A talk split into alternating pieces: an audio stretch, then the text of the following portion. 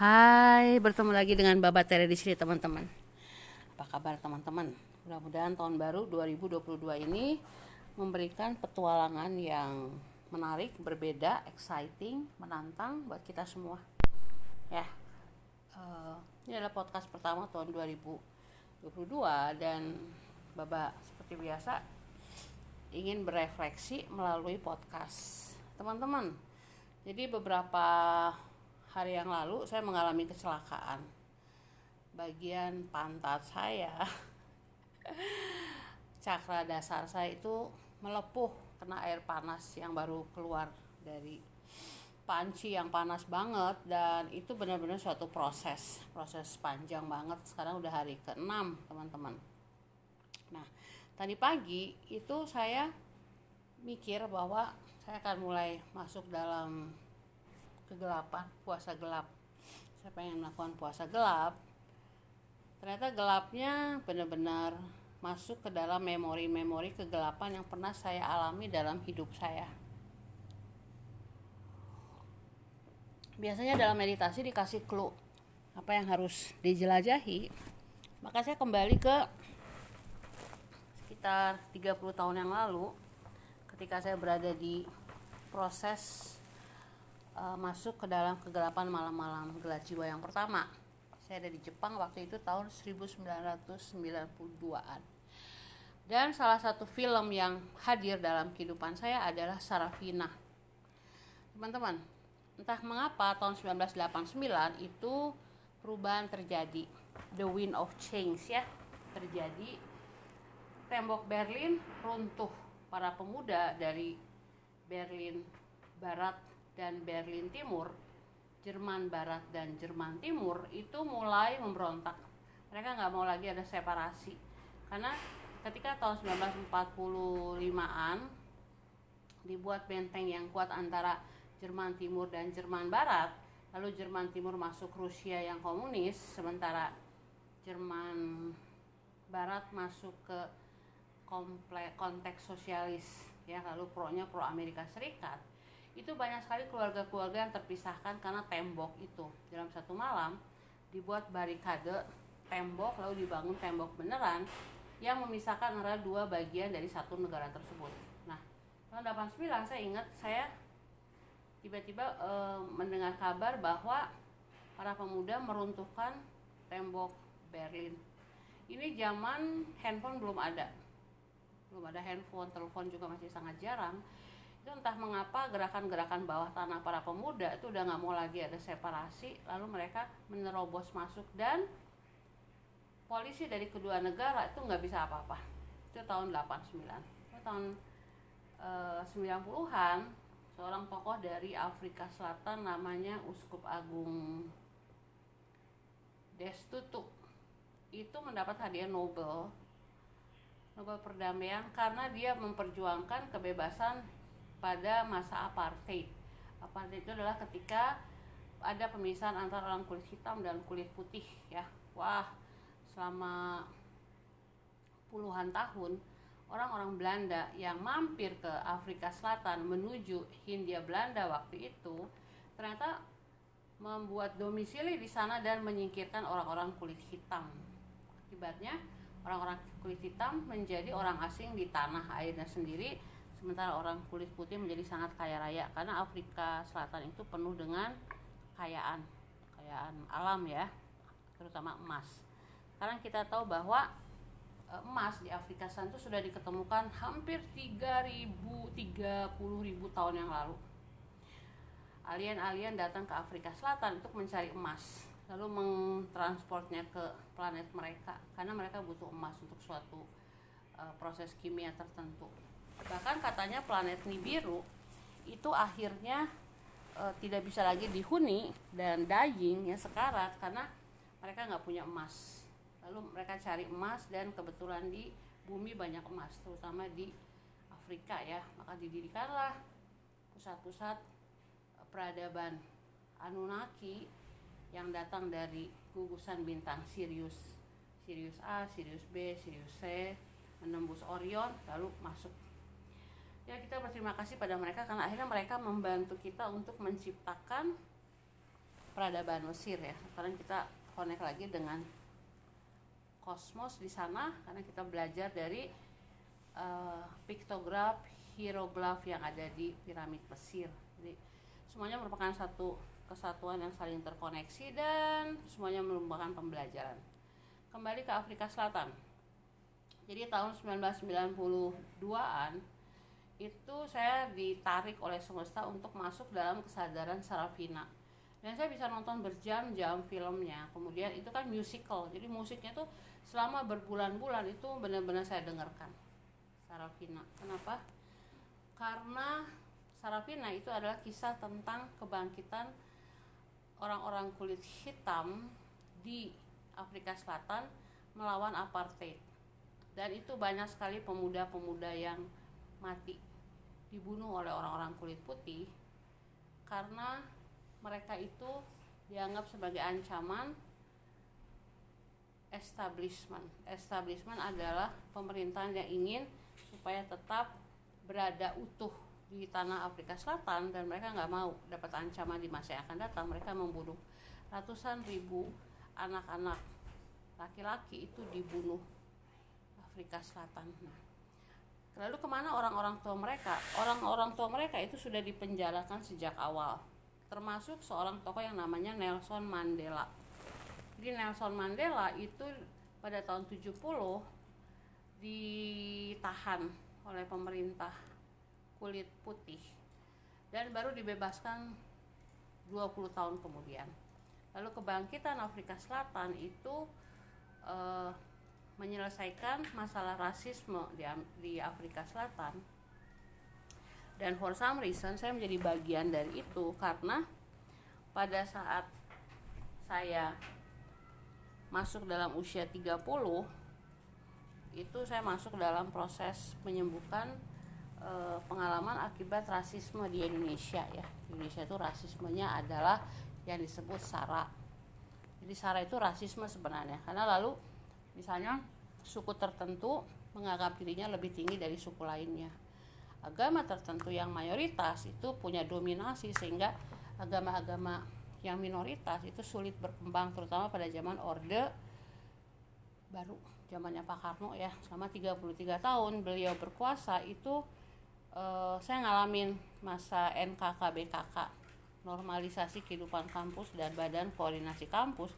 Itu adalah alat untuk mengontrol mahasiswa untuk tidak bergerak. Itu hanya berlangsung sampai tahun 1998 ketika akhirnya mahasiswa-mahasiswa udah nggak bisa lagi dibendung mereka menuntut turunnya Soeharto. Jadi pada tahun 1990 tuh itu sebenarnya teman-teman ada movement di seluruh dunia ya. Di Jerman di Afrika dan di Indonesia yang agak terlambat sih. Untuk mengubah sistem politik dari politik yang mengontrol dominasi kelompok kecil tertentu entah itu kulit putih entah itu komunis entah itu orde baru apa pun itu lalu beralih masuk dalam dunia transformasi. Nah pada waktu itu kita nggak tahu bahwa semuanya itu sedang menuju ke tahun 2012 di mana ada perubahan era. Lalu sekarang kalau kita melihat ke belakang masuk akal semuanya. Lalu internet di di apa di sebarluaskan lalu sudah tidak lagi batas-batas. Jadi jatuhnya tembok Berlin itu adalah lambang jatuhnya supremasi kontrol.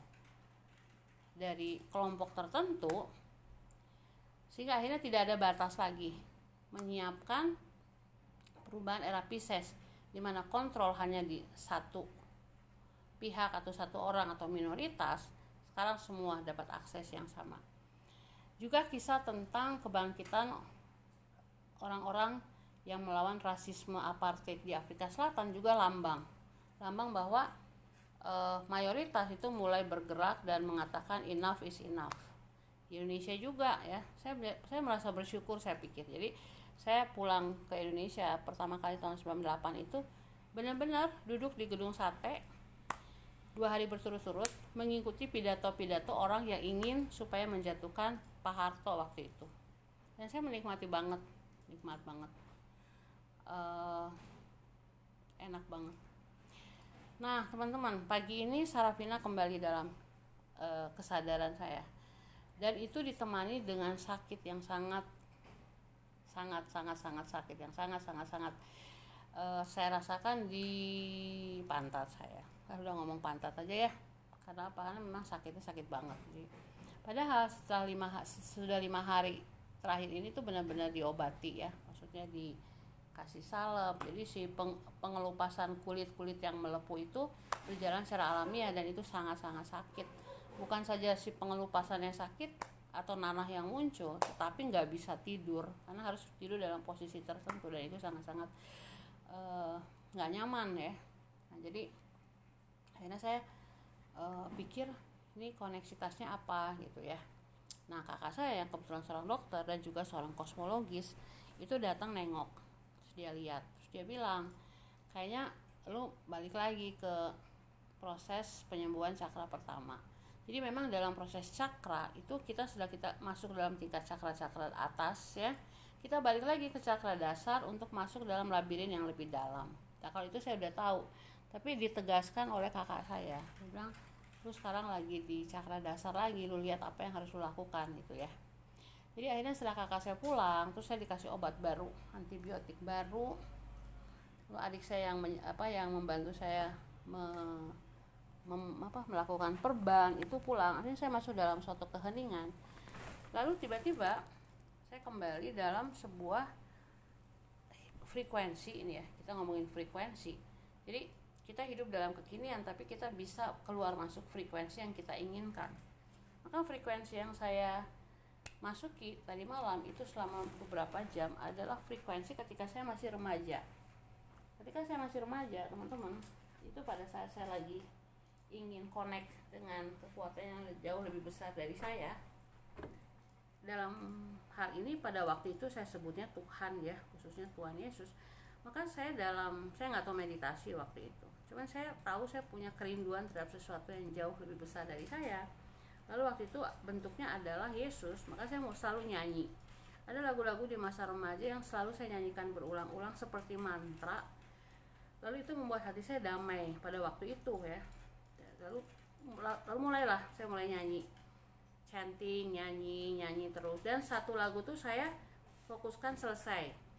Jadi kadang-kadang kan kalau kita nyanyi di tengah jalan terus kita ingat lagu lain kita langsung berubah. Nggak kalau ini satu lagi sampai penuh selesai lalu penuh selesai itu lagu-lagu gereja zaman Madah Bakti yang sekarang udah nggak dipakai lagi dan itu lagu-lagunya itu kena di dalam hati ya lalu saya sadari banget sebagai observer itu lagunya berubah ketika saya ada di Jepang, saya di Amerika, lalu saya bolak-balik ke masa kecil. Lagu-lagu ini adalah mantra-mantra afirmasi evaluasi yang meneguhkan hubungan saya dengan Tuhan, dengan Yesus pada waktu itu. Lama banget saya nyanyi sampai berjam-jam tuh. Sampai wah, saya merasa damai banget. Jiwa saya juga udah damai, tubuh saya damai, lalu saya tidur. Nah, subuh saya dibangunkan dengan rasa sakit yang dalam banget. Sakit banget. Pikir apa ini ya? Lalu akhirnya koneksitasnya dengan ibu bumi. Jadi saya pikir oke okay, mungkin sakit ini ada hubungannya dengan ibu bumi yang lagi menyembuhkan. Jadi saya connect dengan ibu bumi dan merasakan penderitaan ibu bumi ya karena dalam beberapa tingkat kesadaran ibu bumi sudah berubah dari Mother Gaia menjadi Mother Arya tapi tetap dalam proses fisik bumi itu masih ada purging atau cleansing atau cleaning ya dalam bentuk gunung berapi dalam bentuk e, banjir, longsor, tsunami dan lain-lain. Jadi prosesnya itu gradual bertahap. Nah, mungkin saya berhubungan dengan volcano karena saya berhubungan dengan sumber api ya, api panas. Dan itu juga dihubungkan dengan kundalini. Kundalini di cakra-cakra dasar saya itu masuk dalam tingkat kesadaran yang lebih dalam dan yang menarik adalah Matias Di Stefano yang saya ikuti ya saya hormat banget sama beliau itu juga sekarang sedang melakukan uh, kebangunan snake. Jadi kalau dulu tuh pet of dragon sekarang udah bukan pet of dragon tapi pet of snake kundalini. Jadi udah melampaui dragon sebagai sesuatu yang bersifat mitologi itu kita kembali ke ular. Karena kan kundalini pada dimensi ketiga itu memang ular. Ya. saya lalu mulai masuk dalam kesadaran kundalini urat salah seorang sahabat saya di Solo itu memang bilang kayaknya Baba lagi masuk dalam kesadaran kundalini lagi Mbak. Saya pikir hmm, pesan dari semesta lewat sahabat-sahabat kenapa tidak ya? Why not? Akhirnya yang terjadi adalah saya mulai uh, connect dengan penderitaan ibu bumi. Dan yang terjadi adalah lagu Sarafina kembali. Saya langsung dengar di YouTube Sarafina. Keren banget kalau teman-teman ada waktu dengerin apa musical ya. Jadi saya dengar Sarafina.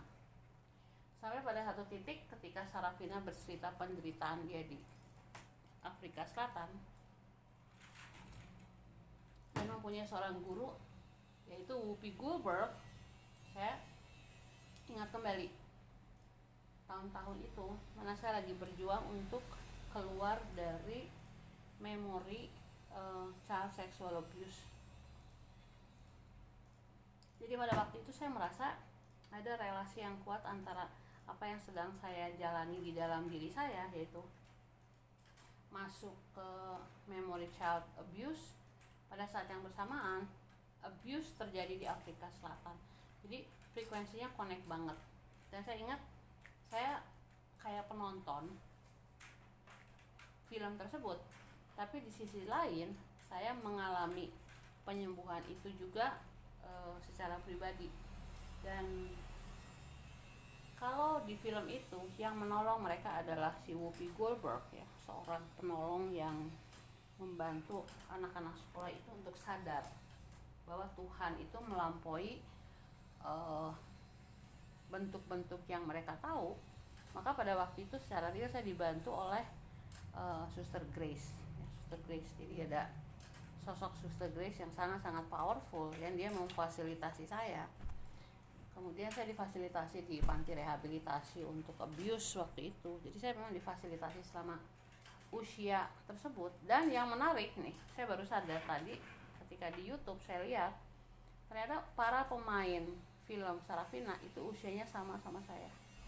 Ketika berusia 28, 29, 30, 31, 32 itu saya juga berusia sekitar itu dan mereka memainkan film itu sedangkan saya mengalami uh, film saya sendiri. Dan sekarang mereka usianya sama sama saya beberapa sudah meninggal. Lalu saya tahu sadar bahwa mereka adalah light worker light worker yang diturunkan di Afrika Selatan untuk menjadi artis lalu menceritakan penderitaan rakyat Afrika Selatan selama puluhan tahun mereka benar-benar light worker. Oke, saya mencerita tentang si Sarafinanya. Di pemain Sarafina itu seorang perempuan cantik usianya 30 tahun waktu dia main. Dia main jadi anak SMA terus dia di penjara terus dia mengalami kekerasan kematian banyak teman. Hanya dia keluar dari penjara itu. Pokoknya uh, dia benar-benar seorang yang memainkan simbol penderitaan dari orang-orang Afrika Selatan waktu itu. Nah, dia orang kulit hitam. Dalam proses sekarang, uh, dia itu namanya Leleti Kumalo dia mengalami apa yang disebut penyakit dan penyakit itu penyakit itu adalah penyakit yang kalau kita lihat itu di tubuh dia itu ada perubahan. Ada bagian kulit yang tetap berwarna hitam tapi ada bagian kulit lain yang berwarna uh, putih. Kayak kayak apa sih orang-orang bule gitu. Jadi Leleti Komalo itu tiba-tiba dia mengalami penyakit. Nah penyakitnya itu namanya vitiligo penyakit itu membuat kulitnya jadi belang. Ada yang hitam ada yang putih. Dan dalam proses ya uh, vitiligo ini dialami sedikit banget orang. Tapi dia mengalami vitiligo sehingga sekarang dia belang. Ada bagian hitam ada yang putih. Itu kayak embracing bagian light sama dark dalam hidup dia. Walaupun dia hanya seorang artis tapi dia benar-benar uh, mengalami itu di fisiknya jadi fisiknya berubah banget. Lihat jadi itu di Google ya. Namanya Leleti Kumalo. Uh, keren banget. Buat saya transform dan dia bilang tuh pada awalnya dia masih menutup kulit belangnya itu tapi lama-lama dia terima dan dia menjadi uh, perempuan dengan dua warna kulit. So, apa sebuah kisah light worker yang bersatu dengan dark worker dalam raganya. Kaget juga saya dengar saya lihatnya karena dia cantik banget anak ini. Nah teman-teman. Jadi akhirnya si pagi tadi dalam koneksitas dengan Sarafina lalu saya ingat kembali saya di usia 30-an hidup penuh dengan kegelapan banget adiksi codependency segala macam tapi benar-benar difasilitasi oleh semesta ketemu orang-orang hebat yang membantu proses saya sehingga sekarang saya bisa membantu banyak proses orang.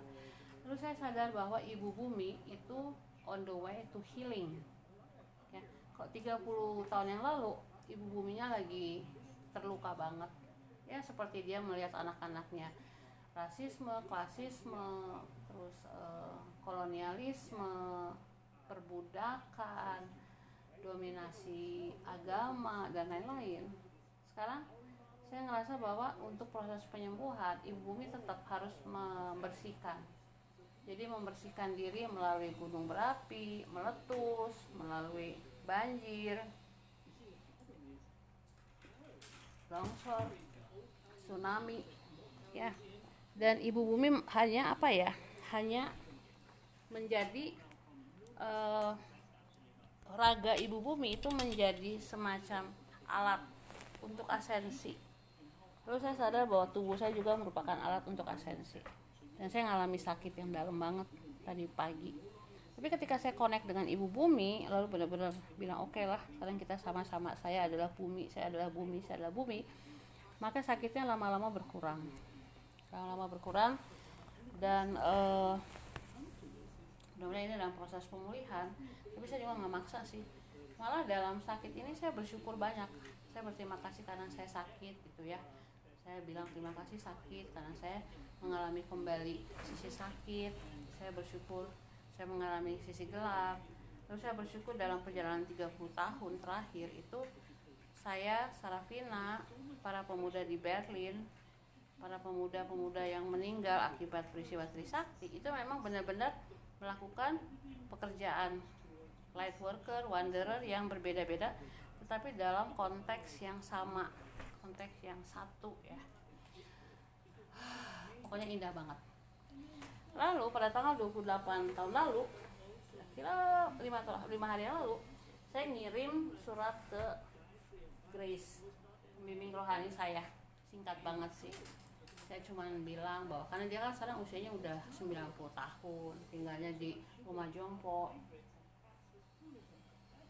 Saya nggak mau terlalu banyak mengganggu. Tapi setahun sekali di Natal saya nulis. Ya, ini yang saya tulis ya. Ini saya tulis uh, halo Grace hanya ingin menulis sesuatu dan bertanya apa kabar. Saya tulis koneksi kita sangat-sangat abadi. Hidup saya sangat sibuk. Anak saya Kiki udah 15 tahun dan sudah menjadi seorang pendamping yang indah banget. Terutama zaman-zaman pandemik. Pelayanan saya untuk membantu orang uh, supaya orang tahu bahwa mereka itu uh, tahu diri mereka, misi mereka, dari mana mereka berasal dan ke mana mereka pergi merupakan sesuatu yang membuat saya penuh. Saya mencintai kehidupan monasteri saya di tengah kehidupan dunia. Saya mencintai setiap momen dari itu. Lalu saya bilang, saya bertemu dengan seorang pria yang seusia saya dan kita berjalan bersama-sama dalam perjalanan ini. Nggak pernah rasa cukup bagi saya untuk berterima kasih karena engkau adalah orang yang pertama-tama mempercayai saya waktu itu. Sekarang saya melakukan hal yang sama untuk melakukan pelayanan terhadap banyak jiwa. Bilang sekarang sampai sini dulu terima kasih. Lalu saya seperti biasa tidak pernah buka email. Pagi ini kayak dipaksa buka email dan ternyata beliau menjawab hari itu juga enam hari yang lalu menarik banget ya dia bilang gini sharing kamu tuh berarti bagi saya uh, Esi yang tercinta. Hati kamu benar-benar murni penuh dengan pengetahuan yang melampaui bentuk mater. Suatu pengetahuan yang berakar dalam oneness oneness cinta dan dikatakan di kitab suci bahwa terberkatilah mereka yang murni hatinya karena mereka akan melihat. Jadi saya bersyukur dalam keterharuan atas berkat siapa diri kamu. Lalu Grace menulis yang melintas dalam diri saya adalah sharing kamu tentang realitas cinta yang bersifat uh, tri, triun. Triun itu bersifat segitiga. Anakmu sekarang 15 tahun dan laki-laki wonderful yang datang dalam hidup kamu ya. Jadi saya sekarang punya sahabat uh, dan buat saya dia istimewa banget. Uh, semua itu datang dari hati yang penuh cinta. Tiga yang menjadi satu saya tidak bisa membayangkan uh, panggilan yang lebih dalam daripada berpartisipasi dalam energi cinta sebagai tiga sebagai tiga dalam satu ya namanya trinitas three in one kita semua hidup di dalam energi cinta Gak ada yang lebih real daripada itu. Saya menghormati panggilan kamu dan saya hidup dan saya merayakan kehidupan kamu, Esi. Ya. Benar-benar merayakan kehidupannya. Lalu Grace cerita bahwa dia sekarang berjalan bersama banyak sekali orang, semuanya pada frekuensi yang sama, tetapi cara hidup yang berbeda-beda karena hanya ada satu realita. Bersama-sama kita itu hidup dalam hati yang penuh dengan cinta dan ini adalah segala sesuatu untuk kita always with you grace jadi hari ini hari yang indah. Tanggal 3 Januari 2022 hari yang baik untuk connect dengan masa lalu saya. Dan Grace itu adalah bagian dari masa masa lalu saya 30 tahun lalu. Ketika dalam keadaan yang sangat-sangat stres saya ada di tempat baru bahasa baru musim baru cara berpakaian baru cara makan baru teman-teman baru bahasa Inggris saya paling buruk waktu itu. Lalu dia datang dan saya lagi makan di sebuah rumah retret yang dikelola oleh teman-temannya Suster Grace dan Suster Grace nggak pernah melakukan hal ini tapi malam itu dia datang ke dapur lalu dia bilang dia panggil nama saya Esi kan dia bilang Esi kalau kamu mau saya akan bimbing kamu. Saya bilang aduh. Dia kayak hadiah. Saya bilang oke. okay. Lalu besoknya saya ketemu jam 7 malam. Pertemuan pertama yang menarik ya karena pertanyaan pertama yang Grace tanya adalah dalam kebudayaan kamu di rumah kamu apa yang tabu? Lalu saya bilang seks. Lalu dia bilang mari kita bicara soal seks.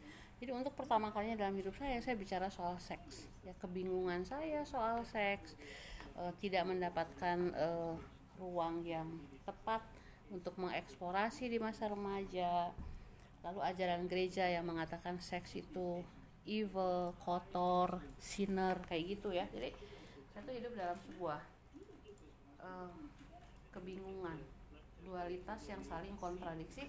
Tapi di lain pihak seks itu indah cinta itu indah. Bingung banget saya. Dan hari pertama itu Grace mendengarkan saya. Jadi kalau saya ketemu sama dia itu 55 menit sekali ketemu seminggu sekali. Jadi hanya mendengarkan sekitar 40 menit. Jadi saya pertama kali saya merasa saya ada yang mendengar. Dan sampai sekarang dia selalu mendengar mendengar dan mendengar. Jadi uh, hari ini saya kembali repetisi repetisi ke apa yang terjadi dalam proses tiga dekade tapi mulai lagi dengan rasa syukur yang berlimpah karena cara pandang yang berbeda. Sudah banyak kesembuhan yang terjadi dan saya ngikutin uh, jalannya jalan pelayanan dari Grace itu banyak membantu orang juga untuk masuk ke dalam diri masing-masing untuk sampai pada tahap knowing atau tahu tahu siapa kita tahu. Lalu nanti ujung-ujungnya adalah tahu bahwa I adalah M. Jadi I am menarik banget ya. Jadi akhirnya hari ini tuh saya bersyukur banget. Karena apa? Karena saya connect dengan masa lalu saya dan juga connect dengan ibu bumi. Kalau dulu ketika saya melihat Berlin Wall jatuh lalu saya menjadi pengamat apa yang terjadi di Afrika Selatan lalu saya menjadi bagian dari transformasi di Indonesia tapi saya nggak melihat koneksitas antara tiga tempat itu. Dan sebenarnya banyak tempat lain karena dalam perjalanan hidup kan saya menjadi bagian dari dua perang teluk yang dilancarkan oleh Bush senior dan Bush junior. So, dalam proses saya ingat tadi malam saya mikir wah benar-benar ya semesta menempatkan kita pada tempat di mana memang kita harus di tempat itu. Jadi saya ingat waktu tahun 1991 nih ya. Tetap tahun 1991an lah. Zaman Berlin Wall zaman Sarafina itu eh, saya sama teman-teman saya pergi ke Washington DC untuk anti war eh, demonstrasi gitu ya. Wah kita demonstrasi dari jam 10 pagi sampai jam 3 sore lalu kita pulang ke New York 5 jam. Nah begitu sampai di New York kita lihat di TV ternyata eh, demonstrasi kita sama sekali nggak masuk jaringan TV nasional Amerika Serikat. Yang diulang-ulang terus adalah mereka yang pro perang. Jadi ada sekelompok kecil yang berdiri di pinggir jalan sebelum uh, memorial dari Vietnam ya yang gugur di Vietnam. Itu ada dibuat tamannya dengan nama-nama mereka ditulis di batu. Itu yang diulangi terus-menerus oleh TV lalu saya sadar hari itu bahwa demonstrasi dari Capitol Hall ya kayak MPR DPR-nya Amerika. Ke White House itu presidensi Amerika itu nggak akan berhasil. Perang akan terus terjadi kantong-kantong mayat akan terus mengalir. Jadi yang aneh nih 10 tahun kemudian saya difasilitasi lagi saya kuliah lagi di Hopkins perang lagi. Terus di kampus tuh disediakan bus-bus untuk anti war ke Washington DC yang jaraknya cuma sejam dari Maryland hari itu saya benar-benar mengambil suatu keputusan bahwa saya nggak akan menjadi bagian dari itu lagi. Karena buat saya nggak akan berhasil. Per, apa perang tetap ada gitu. Maka tahun 2002 itu yang terjadi adalah saya menemukan sebuah selebaran dan di dalam selebaran itu dikatakan bahwa silence adalah jawaban untuk menyelesaikan perang. Jadi dikatakan bahwa kalau kita mau menyelesaikan perang di luar sana ya di Teluk melawan Saddam Hussein yang di majalah Time itu digambarkan sebagai evil lalu Presiden Bushnya digambarkan sebagai malaikat putih ya hitam lawan putihnya jadi kontradiksikan banget. Di dalam puisi itu dikatakan bahwa kalau kita ingin menyelesaikan perang itu kita selesaikan perang di dalam diri kita sendiri. Masuk ke dalam diri lalu ketemukanlah monster yang ada di dalam diri yang tidak pernah kita ajak ngobrol ajak ngobrol si inner monster itu untuk tahu kenapa dia melakukan kekerasan. Nah, pada saat kita sampai pada keheningan, maka keheningan kita itu akan menciptakan keheningan di luar diri kita. Lama-lama kita akan menciptakan keheningan untuk orang-orang di sekitar kita. Jadi itu pembelajaran juga tuh bahwa oh kita harus mengembrace uh, sisi gelap kita. Mungkin perjalanan hidup saya nggak sedrastis leleti ya si pemain Sarafina karena dia benar-benar mengekspresikannya melalui raganya jadi dengan penyakit vitiligo itu dia benar-benar jadi hitam dan putih kulitnya. Saya nggak sampai situ sih. Karena udah hitam kali ya. Kalau menjadi bule aneh gitu. Cuman ada semacam pengelupasan kulit di daerah pantat saya lalu sekarang ada kulit baru. Kulit barunya warnanya lebih muda dibandingkan warna sebelumnya gitu ya. Jadi mungkin itu bagian dari proses raga saya benar-benar harus mengalami apa yang ibu bumi alami dalam tingkat kesadaran sekarang. Lalu bersyukur untuk rasa sakit bersyukur untuk pengalaman sakit penderitaan dan kegelapan ini. Lalu connect aja connect dengan ibu bumi karena saya adalah bumi saya adalah bumi. Dan vehikel saya alat transportasi saya tubuh saya itu sama dengan bumi.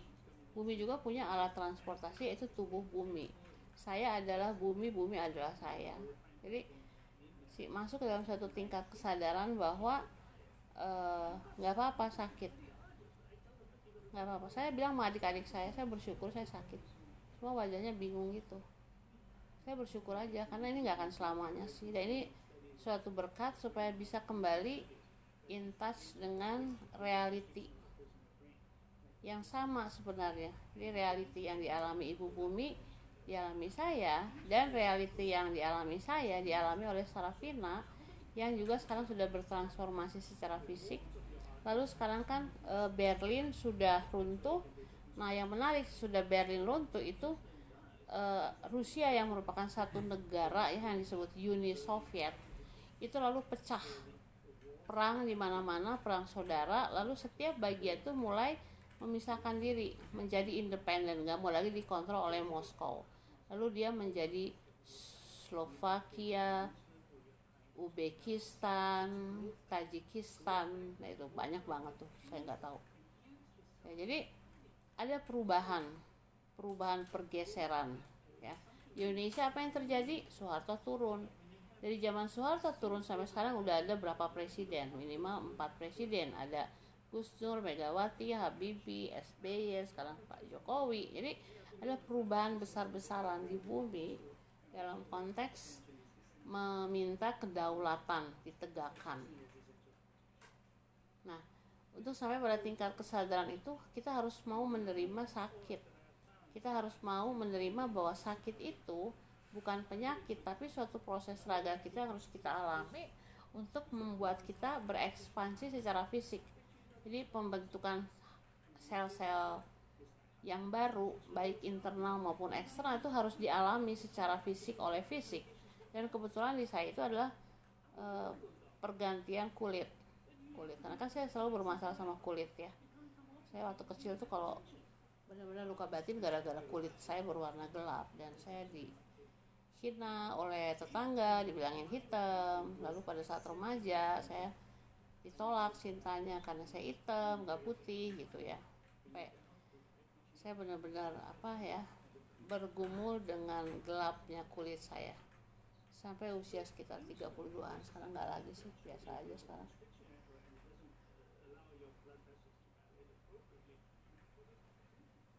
Oke teman-teman. Ini adalah saya bersyukur banget karena awal tahun ini 2022 itu saya mulai dengan saya istilahnya bukan purging ya saya juga istilahnya bukan cleansing tapi saya pikir namanya uniting uniting semua yang sudah diproses selama bertahun-tahun lalu menjadi satu. Jadi satu. Entah saya satu dengan Sarafina dengan Berlin atau dengan dengan ke pengalaman kehidupan saya sendiri lalu bersatu dengan banyak sekali orang di dunia ini yang sudah tiba pada konsep silence. Jadi beberapa hari pada saya, saya sakit itu ya saya lihat YouTube itu ada kelompok-kelompok yang mulai bicara pengalaman mereka mengalami inner healing lalu mereka membuat komunitas-komunitas yang memperkuat satu sama lain tapi tingkat kesadarannya udah tingkat kesadaran kolektif dan itu yang saya alami juga dengan kelompok komunitas The Wanderer Academy, The Wanderer Indonesia. Kita lalu menjadi individu-individu yang berjalan di jalan masing-masing, tapi mempunyai satu realita yang sama, yaitu bahwa kita ingin berekspansi dalam konteks hati kita, sehingga kita hanya hidup berdasarkan cinta. Cinta yang memberikan ruang, cinta yang melipat gandakan cinta. Jadi kita nggak kita nggak punya 100% cinta lalu kita bagi-bagi sedikit-sedikit ke orang itu ya lama-lama habis nggak ada lagi cinta pada kita tapi konsepnya konteksnya adalah menggandakan cinta jadi saya punya 100% cinta terhadap diri saya lalu saya mengembangkannya 100% cinta ke anak saya itu udah 200% terus saya menggandakannya kepada pria yang saya cintai jadi 300% terus saya menggandakan lagi kepada mereka yang saya cintai ya anggota-anggota komunitas wanderer saya lalu akhirnya ke keluarga besar. Terus terus terus. Jadi kita menggandakan cinta karena cinta itu infinite gak terbatas saya nggak tahu apa yang terjadi tahun 2022 cuma ada satu rencana besar yaitu akan menjadi bagian dari aktivasi global masuk dalam kesadaran spaceless tahun. Jadi tahun 2020 pada tanggal 2 Februari 2020 itu bumi masuk dalam tingkat kesadaran timeless. Timeless adalah berarti tidak ada waktu sebenarnya. Masa lalu masa sekarang masa yang akan datang itu sebenarnya nggak ada pembagian. Itu yang ada hanya no moment. Dan no moment itu bukan waktu tapi kesadaran. Itu udah banyak terjadi di berbagai tempat di dunia. Orang udah sampai pada tahap tidak lagi terikat pada waktu ya. Tidak lagi terikat pada waktu. Nah tahun ini 22 Februari 2022 itu kita menembus ruang menjadi spaceless. Nah timeless dan spaceless itu kalau digabungkan menjadi time space itu adalah suatu konsep di mana kita berada di ruang kekinian tanpa waktu. Waktunya adalah kesadaran di kekinian. Itu mulai terasa banget di berbagai YouTube ya orang-orang sharing dalam tingkat kesadaran itu. Dan saya bersyukur saya menjadi bagian dari itu. Lalu portalnya nanti terbuka itu kita akan lakukannya di Toba. Karena kalau ke Mesir itu bagian orang lain ya kita mah di Indonesia aja di Toba kita akan konteks sama-sama kita nggak ngapa-ngapain cuma meditasi bareng tapi vibrasinya akan membantu ibu bumi. Terus saya pikir sakit saya juga merupakan persiapan secara fisik untuk lebih murni lagi untuk lebih penuh cinta lagi lebih menggandakan cinta untuk mempersiapkan uh, perjalanan kira-kira sekitar 50 hari dari hari ini tapi sebelumnya memang saya punya rencana untuk melakukan puasa gelap. Jadi ini sesuatu yang tidak terpikir sama sekali. Tapi minggu lalu ketika dalam meditasi itu saya mengalami suatu tingkat kesadaran dimensi ke-8 di mana dimensi ke-8 itu adalah dimensi gelap kegelapan yang ada, yang dihasilkan oleh cahaya di dimensi ke-8 jadi dimensi ke-8 itu cahaya jadi cahaya itu dihasilkan kegelapan dimensi 7 nah dari kegelapan itu menghasilkan dimensi 6 yaitu para kreator kita. Ya kreativitas sebagai kreator itu kita mulai dari kegelapan seperti ketika kita berada di rahim ibu kita itu kita dalam kegelapan. Lalu kita keluar lewat vagina ibu kita kita melihat terang. Ya prosesnya seperti itu lalu saya connect dengan Samael Samael itu adalah archangel kegelapan. Dia adalah uh, insinyurnya kreator apa uh, desainernya sebenarnya. Dia hadir lalu dia bilang I am Samael. Lalu saya tahu bahwa saya masuk pada tingkat kesadaran itu. Nyaman banget sih. Beda sama demon ya kalau demon itu dimensi 4 jadi beda banget. Sama ya Lucifer itu dimensi 8 dimensi 7 kalau di evil demon itu memang ada di dimensi 4 yang mereka itu timeless sama spaceless.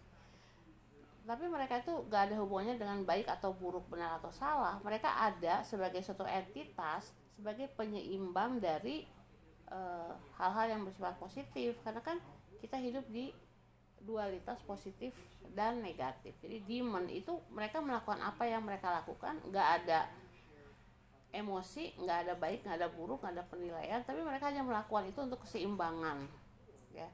Jadi kita sekarang sadar bahwa kalau kita masuk dalam timeless dan spaceless ya lalu kita masuk dalam satu tingkat kesadaran bahwa kita melampaui waktu dan melampaui ruang maka kita tahu kita akan bertemu dengan banyak demon atau evil tapi kita nggak berkompetisi dengan mereka. Kita hanya menghormati eksistensi mereka yang melakukan apa yang mereka lakukan tanpa punya niat baik atau buruk terhadap kita. Yang menafsirkan itu adalah kita ya. Kalau kita menafsirkan bahwa setan itu jahat kita yang menafsirkan. Setannya belum tentu jahat. Setannya hanya melakukan tugasnya untuk menyeimbangkan cahaya dan gelap. Nah, jadi dimensi keempat itu nanti kita sampai pada tahap melampaui ruang melampaui waktu melampaui baik melampaui buruk kita menghormati entitas yang ada di uh, semesta kita khususnya dalam konteks dimensi tiga bumi lalu kita dalam keadaan kosong atau hanya menjadi observer. Gitu. Gak ada lagi uh, penghakiman. Gak ada. Bahkan Samael pun tidak melakukan penghakiman. Lucifer tidak mengalami penghakiman dia dimengerti oleh sang cahaya. Lalu ketika si sang cahaya di dimensi ke-8 itu mengerti lalu membelah menjadi 12 archangel ya termasuk Gabriel, Uriel, uh, Michael dan lain-lain itu kedudukannya Samael itu lebih tinggi dari mereka.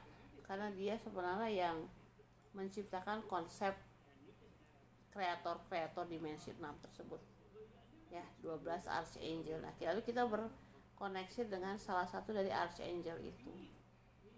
E, itu taunya dari mana sih? Taunya bukan lihat gambar para malaikat agung di YouTube ya. Itu kan cuma persepsi seseorang yang menggambarkannya seperti itu. Pemuda tampan dengan paha ke mana-mana gitu. Enggak. Tapi dengan warna jadi kita koneksitasnya dengan warna sih. Jadi kita lihat dalam meditasi warna apa yang paling dominan lalu mungkin kita connect dengan misalnya Rafael. Rafael itu adalah sisi Tuhan yang seperti healing ya. Saya nggak tahu warnanya apa. Tapi si Rafael ini dipakai oleh uh, filosof filosof yang memfokuskan diri pada penyembuhan ya lalu kalau misalnya para penyembuh entah dia dokter perawat atau penyembuh syamanik itu nanti koneksitasnya dengan Rafael. Kalau Michael itu lebih ke cahaya dia sebagai cahaya Tuhan. Gabriel itu pembawa kabar baik Tuhan. Lalu ada Uriel ya ada Samael. Nah, kita koneknya kepada sisi-sisi itu melalui warna yang kita lihat di mimpi kita. Dan warnanya itu uh, kita akan masuk pada suatu tingkat kesadaran warna-warna yang belum pernah kita lihat di bumi ini tapi kita tahu. Kayak hijau hijaunya tuh indah banget birunya birunya birunya indah banget gak ada di bumi ini. Oke teman-teman jadi itu adalah dongeng saya pagi ini. Saya terima kasih banyak bersyukur banget banget banget banget. Karena saya bisa punya waktu merefleksikan perjalanan 30 tahun saya. Suatu perjalanan yang kayaknya sikat banget cepet banget berlalu ya kayak saya ngerasa tubuh saya nggak banyak berubah sih sejak 30 tahun yang lalu. Tetap seperti ini. Cuman um, tingkat kesadaran saya banyak berubah. Banyak banyak berubah banget. Dan yang aneh nih ya yang aneh nih saya tuh jarang sakit. Tetapi kalau ada masalah dalam konteks menaikkan tingkat kesadaran selalu di arah selalu ada di area cakra pertama. Jadi 30 tahun lalu juga ya ketika saya mulai nih mulai masuk dalam tingkat kesadaran menyembuhkan uh, abuse ya, itu uh, di bagian private vagina saya itu bisulnya gede banget. Terjadi berapa kali itu dalam waktu 3-4 tahun itu terjadi beberapa kali. Saya sampai aduh gimana ini? Saya sampai bilang udah dioperasi aja dikeluarkan bisulnya itu ditolak oleh dokter kandungan di Amerika seorang perempuan. Dia bilang kamu nggak bisa dioperasi kayak gini. Kamu harus mencintai diri kamu sendiri. Karena kan kamu barusan keluar dari suatu hubungan kodependensi seksual yang sangat-sangat abusive gitu ya. Kok dia tahu ya saya pikir. Dia nggak ngomong lagi. Akhirnya saya lakukan adalah selama dua minggu saya mulai bicara sama vagina saya terus me, apa membasuhnya dengan air anget bisa minta maaf karena sudah mengabius karena takut ditolak atau pengen jadi bagian dari sesuatu seseorang itu ya karmi karmi saya dan waktu dua minggu semua. Walaupun memang tetap minum antibiotik karena harus penyembuhan dari dalam ya itu terjadi. Lalu ada fase lagi ada kutil. Tetap di vagina juga dioperasi uh, terakhir ini kemarin-kemarin ini ada masalah gitu ada masalah di daerah private sehingga akhirnya saya pikir saya mau gurah vagina. Eh gurah vaginanya malah pantas saya masuk si air untuk gurah vaginanya. Tiba-tiba melepuh deh. Tetap ada di daerah sakral pertama. Dan itu bukan sesuatu yang baru. Jadi saya pikir oh, oke. Okay. karena saya akan memulai suatu perjalanan untuk masuk lagi ke tingkat kesadaran lebih dalam pintu gerbangnya tetap sama cakra pertama fisiknya tetap sama. Cuman mungkin ini adalah bagian dari integrasi. Jadi melihat si perjalanan hidup itu lalu apa yang harus dilakukan bagaimana harus dilakukan dan lain-lain. Begitu.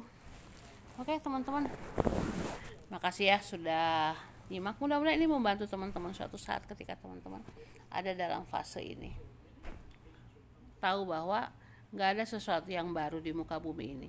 Semua hanya merupakan suatu repetisi labirin yang terus-menerus semakin lama semakin dalam tiba pada suatu titik keheningan. Dan ketika kita pada titik keheningan itu terlalu kita mulai lagi berputar berputar berputar untuk sampai pada suatu titik keheningan yang lebih dalam dari titik keheningan sebelumnya. Jadi keheningan saja dia itu terus terus terus terus terus terus dilakukan Nah, pada saat kita tiba di satu titik keheningan, itu kita menjadi kreator.